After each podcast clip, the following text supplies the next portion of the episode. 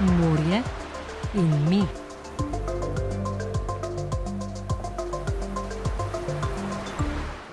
Tako je vedno, ne? zdaj narava vedno spostavlja ravnoteže. Ne?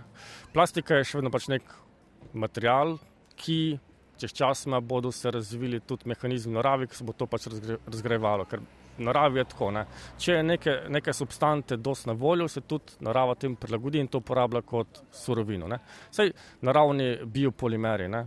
Les, celoza, tako naprej, škrop, ne, niso dosti različni od plastike. Ne. Za mene bolj skrbi je ta direkten efekt na človeško zdravje, ne. kako ta mikroplastika pride v nas. Ne. To, kar je že v naravi, ne moramo prefiltrirati cel ocean, morje, to nima smisla. Ne. Je prepričan dr. Uroš Novak, vodja skupine znanstveniki proti plastiki iz Kemijskega inštituta. Lahko pa zaustavimo to kopičenje plastičnih odpadkov v oceanih, še posebej v Sredozemskem morju, ki je po nesnaženosti s plastiko v samem svetovnem vrhu medtem ko so ravni mikroplastike rekordne. Ja, tako je, ker je pač to zaprto morje. Ampak naš način je zelo preprost. Mi smo tisti, mi, ljudje smo tisti, ki lahko najdemo rešitve, oziroma pač razložimo ljudem, kako na nek bolj pameten način zmanjšati porabo plastike izboljšati navade, razumeti načine, kako plastika kot material ni nujno, da je pač odpadek, lahko tudi surovina, lahko pač spet ponovno uporabi in tako naprej. Rešitve bodo prihodnja štiri leta s 23 partnerji v 12 državah iskali v okviru 9 milijonov evrov vrednega projekta Remedis iz programa Obzorje Evropa misija, ki ga koordinira prav Kemijski inštitut. Za širjenje znanj in uporabo inovativnih tehnologij v praksi so vzpostavili devet sredozemskih velikih demonstracijskih centrov. In v okviru teh democentrov bomo prišli do ljudi. Te knjige bodo pokazane in validirane, ali so uspešne ali ne. In v bistvu misija, Evropska komisija pa zahteva točno to. Pokažemo, da stvar deluje. Ne gremo več v laboratorij, gremo izven laboratorija. In večina teh tehnologij so podjetja, ki so specializirana na spremljanje in monitoring plastike, eliminacijo plastike iz mikroplastike, se pravi iskanje novih biomaterijalov, ki lahko nadomestijo plastiko, ne so zgradljivi v morju in tako naprej. In pa sam koncept zero waste, se pravi, kako ljudi prepričamo ali pa najdemo neke rešitve, da sploh ne bi uporabljali plastiko. Ne. To lahko naredimo tudi z ustreznim oblikovanjem proizvodov. Nekaj so jih razvila slovenska podjetja, ki sodelujejo skupino znanstveniki proti plastiki. Denimo kremo v obliki kozmetičnih kroglic ali oblačila iz biopolimerov. Eno je stvar eh, delati v laboratoriju, napisati članek, tako naprej, druga je pač to pač preizkusiti. Ne? Zdaj pač mlade ljudi zanima in mi damo samo pač možnost, da lahko to ustvarjajo. Ne? Zdaj na koncu bo trg povedal. Sej izdelam to že več kot pet let. Vse pet let nazaj noben nas ni poslušal. Ne? Zdaj smo komaj popularni, ampak jaz govorim to že pet let. In če ne bi spoznal tega poslovnega dela, pa tega načina komuniciranja, pa tako naprej, pristopa, ne? ko to skrat znanosti manjka. Ne? Bili na začetku, bi rekli, ok, imam ful ambiciozne cilje, ampak nič ne bi pa naredili. Ne? Kot rečeno, bo nekaj tehnoloških rešitev praktično zaživelo v demonstracijskih centrih projekta Remedis. Med drugim bodo v Franciji, Italiji, Španiji, na Portugalskem, v Grčiji, v Črni gori in Albaniji. V Sloveniji bo democenter Marina Koper.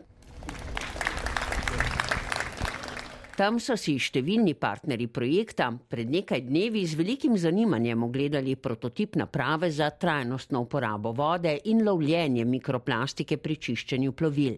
Predstavil jim jo je inovator Haki Melkjar iz podjetja Clara One. To je naprava, ki bo lahko reciklirala vodo, ki jo uporabljajo za pranje bark. Spravi, ne bo odpadne vode, ampak to vodo bomo ulovili, jo prečistili do faze, da je za ponovno uporabo, kar pomeni, da ne bo potrebno uporabljati več pitne vode, ampak bo to vedno ena in ista voda krožila s tem, da koncentrat se bo pa zbiral v posebnih vrečah in bo pol odstranjen in postavljen tam, kjer sodi. Pač. Katerih odpadkov je največ, ko se pere barke? Ko se pere barke, so kosi plastike, ker baza antivegetativne barve je plastika in v tej plastiki so pol težke kovine, biocidi, ki preprečujejo razvoj alg na ladji. Ne? In ko se to pere, seveda se tudi odlušči. Vsako leto je treba zamenjati tudi to in to je precej se nasnežuje s tem. Ne? Naša naloga je zaustavitev teh delcev, da ne grejo naprej, nekdo drugi bo pol iz teh delcev kaj drugega naredil, recikliral.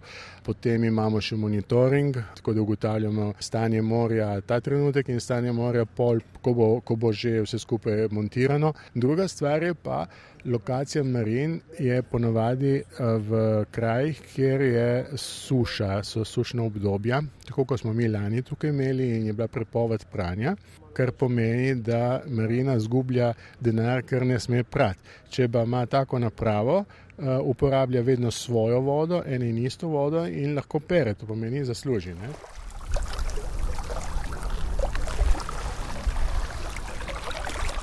Mikroplastika se v morje steka iz različnih virov.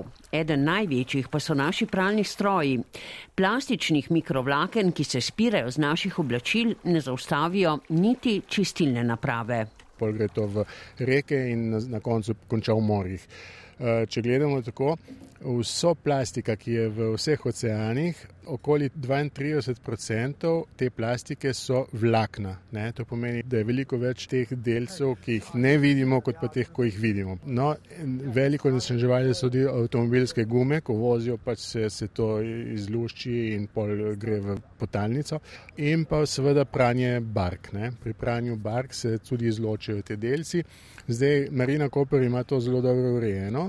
Sicer gre voda v, v podzemni rezervar, tam imaš čobo lovilec, nekaj se, se ustavi, ostalo gre pa v čestilno napravo, ne? mestno. Ampak po svetu je ogromno marin, ki so na takih lokacijah, kjer nimajo infrastrukture, kar pomeni, da ko operejo, gre vse direkt v morje. In tu je velik problem. Ne?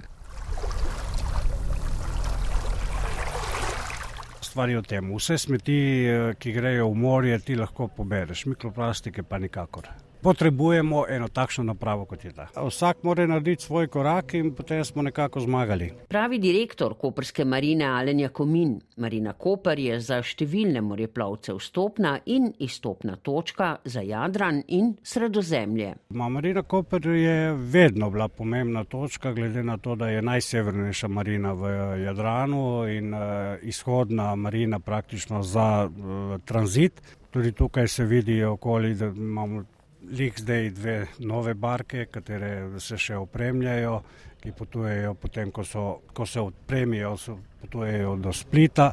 Ena pa je tam, ki pa jutri gre na kanado vrnjak in se jo odpelje na nizozemsko.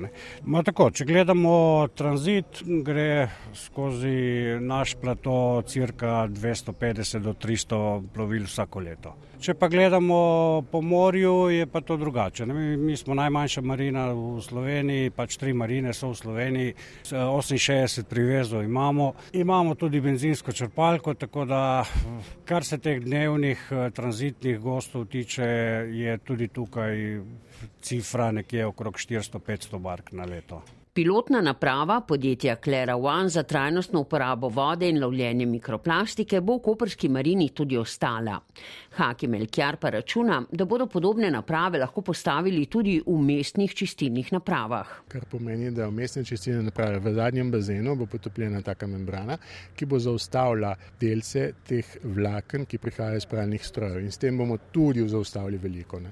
Tako da to ni samo zdaj marina, ne. to je tehnologija, ki se da razširiti na veliko, veliko drugih zadev, opcij. Celo v industriji, ne, industrija tudi veliko nesnažuje oziroma uporablja spitno vodo za nek proces in potem jo spušča v kanalizacijo, pa celo jo odvažajo. Če bi reciklirali to vodo in ponovno uporabili, bi prihranili denar in okolje, seveda.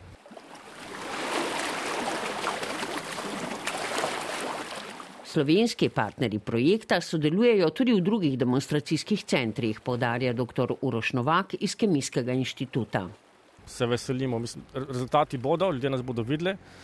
Vsako leto bo Open Day, se pravi, bomo vidni. In dosegljivi vsem, ki bi želeli pač nas poznati, oziroma pač videti, kaj se da. Onesnaženost s plastiko bodo na osmih območjih v Sredozemlju spremljali z brezpilotnimi letali, tudi podvodnimi droni. Sveda, če hočeš najti način, kako eliminirati, oziroma kako reševati problem plastike vode, moraš najprej imeti nek monitoring. Ne? Monitoring, da to spremljaš, da vidiš, kak je učinek tega vsega skupaj. Večinoma vemo, skje ta kje, kje pride ta vir mikroplastike. Ne? Spet smo to pač mi, industrija in tako naprej. Ampak še vedno pač ambicija EU je, da pa zmanjšamo te količine, sprej moramo mi to skozi spremljati. In dron je način, kako preko umetne inteligence, se pravi, da je enostaven način mi preko slikanja terena povzamemo, koliko je teh odpadkov, kateri so tele in potem lahko uporabimo druge tehnologije, kako to čistiti, predelati in tako naprej. Razvili bodo dve avtomatizirani tehnologiji za odkrivanje mikroplastike. Ena bo za čistilne naprave za odpadne vode, eno bodo pritrdili na podvodni dron. V Egejskem morju, da nima, bo vroče točke plastike spremljalo več kot 200 boj z GPS napravami. Na številnih akcijah čiščenja, na katerih bodo sodelovali tudi prebivalci posameznih sredozemskih obaljnih območij, bodo zbirali plastične odpadke. Po načrtih naj bi jih zbrali 422 ton. Številka sploh ni visoka, saj koliko plastike mislite, da je na svetu. Ne? Zdaj pač imamo pač partnerje iz Albanije, Maroko in tako naprej. Se pravi, Slovenija smo kot nek svetilnik, mi kažemo drugim kako, ker Slovenija je čista država. Se spomnite, očistimo Slovenijo, ne? mi smo to že naredili da hočemo samo to dati drugim. Ne? In poleg tega, da to damo drugim, ljudje se bolj počutijo, tudi bolj so zavedni, da bomo drugače ravnali, ker hočemo tako ostati. Torej pravite, da je pri nas stanje nekoliko boljše vseeno od eh, drugih eh, držav? Tako je, ja. Jaz mislim, da pač Slovenija nima se tukaj. Uh, držati nazaj, ne? smo pač med najboljšimi. Ne? Naši ljudje pač skrbijo za naravo, so zelo angažirani k temu. Čistilne akcije že potekajo več kot 15 eh, let tukaj ob obali. Ne?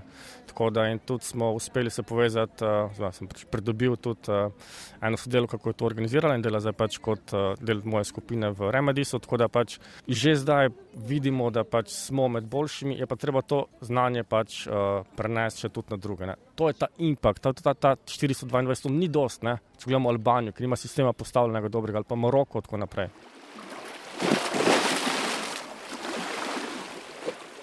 Številne tehnologije za omejevanje plastičnega onesnaženja so torej že razvite. Širjenje znanj o njih, njihovo preizkušanje in na to uporabo znatno podpira Evropska komisija.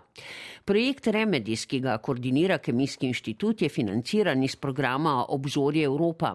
Vodja predstavništva Evropske komisije v Sloveniji je dr. Jerneja Jukjerše. Ta projekt je del tako imenovanih misij. Pravimo, da imamo v Evropi pet ogromnih izzivov in zaradi tega imamo pet misij. Ena od njih je uh, bolj trajnostna mesta, ena je naprimer uh, uh, nižanje obolevnosti za rakom, ena je pa tudi to bolj čiste vode, morja in uh, tudi manj plastike. Tako da uh, sem zelo vesela, ja, da je Kemijski inštitut se odločil in šel na to pot. Obzorje Evropa, projekt, to je v bistvu eden največjih programov Evropske unije, kar 100 milijard evrov za celo obdobje in uh, v bistvu pomaga na nek način tudi naši znanosti, našim raziskavam, inovacijam. Emisije so tukaj malo posebne, so malo bolj inovativne, ker pomagajo ne samo raziskovalcem, ampak tudi predstaviti te raziskave v bistvu javnosti, zato da bo javnost to podprla, da vidi, da mi to potrebujemo. In uh, zato tudi Evropska komisija išče vse inovativne uh, načine. Kako delati, in pomembno je to, da stopimo skupaj. Zato sem vesela, da je Kemijski inštitut našel partnerje, da dela skupaj z ostalimi in da vključuje javnost. Ker ne moremo se več samo zapreti v laboratorij, moramo govoriti in predebatirati vse te stvari z vsemi deležniki, ki se jih to tika.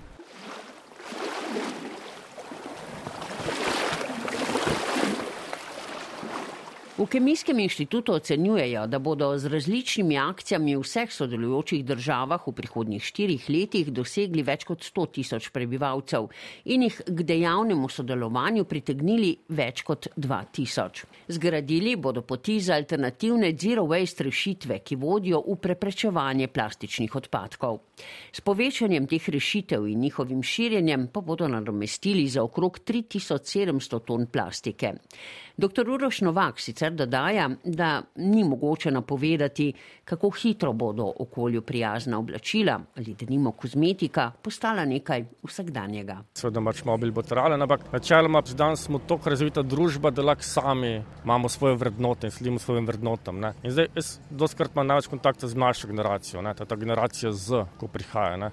In oni so pa res tisto, ko so res dajo več na to. No. Spravi, tudi ta generacijski preskok se mi zdi pomembna pomembna varianta. Ampak načeloma, tako kot tehnologija, kot mobitel in tako naprej, to je prišlo in se je uveljavilo. Pač, ali se bo to stvar uveljavljalo ali ne, ne morem povedati, ker to je pač odvisno od ljudi in tako naprej, od kako se bo pač to uveljavljalo. Ampak če se bo pokazalo resno eh, škoda za zdravje ljudi, okolja in tako naprej, kot se zdaj pač to promovira, zato prijavijo tudi te zakone, ki omejujejo uporabo plastiko za enkratno porabo in tako naprej. Tiste, tisto, kar pomeni, smo ljudje zbudili. Ne. Glede industrije plastike pa. Slovenija je pač tudi med enima tu najboljši, ne. imamo 1500 plastičnih podjetij, s tem. Ne? In oni ne bodo sprožili poslovnega modela, ker jim gre dobro. Da pač se pogovarjamo o tem, da imamo neke druge pristope prek takih projektov. Se mi zdi pameten način, tudi, da lahko tudi pač ne govorimo o njih, čeprav smo na različnih blagovih, ampak načeloma se noben noče te plastike, ko naredijo, ne? da vržejo po ljudje v naravo. Da samo da se krog zapre, je tudi že ok. No?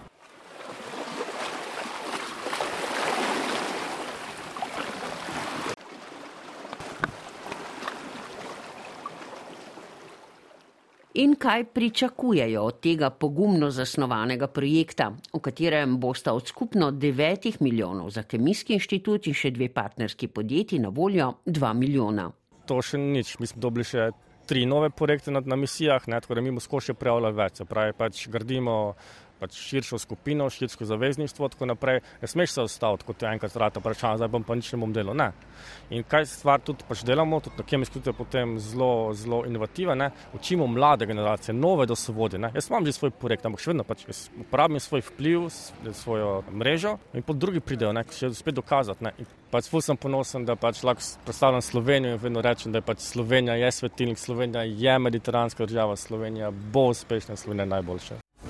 Oddaja je nastala s finančno pomočjo Evropske komisije v projektu Misija Mlada kohezija.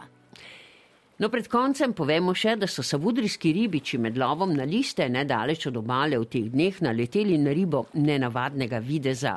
Molo molo ali morski mesec na svoji Facebook strani poroča akvarij v polju.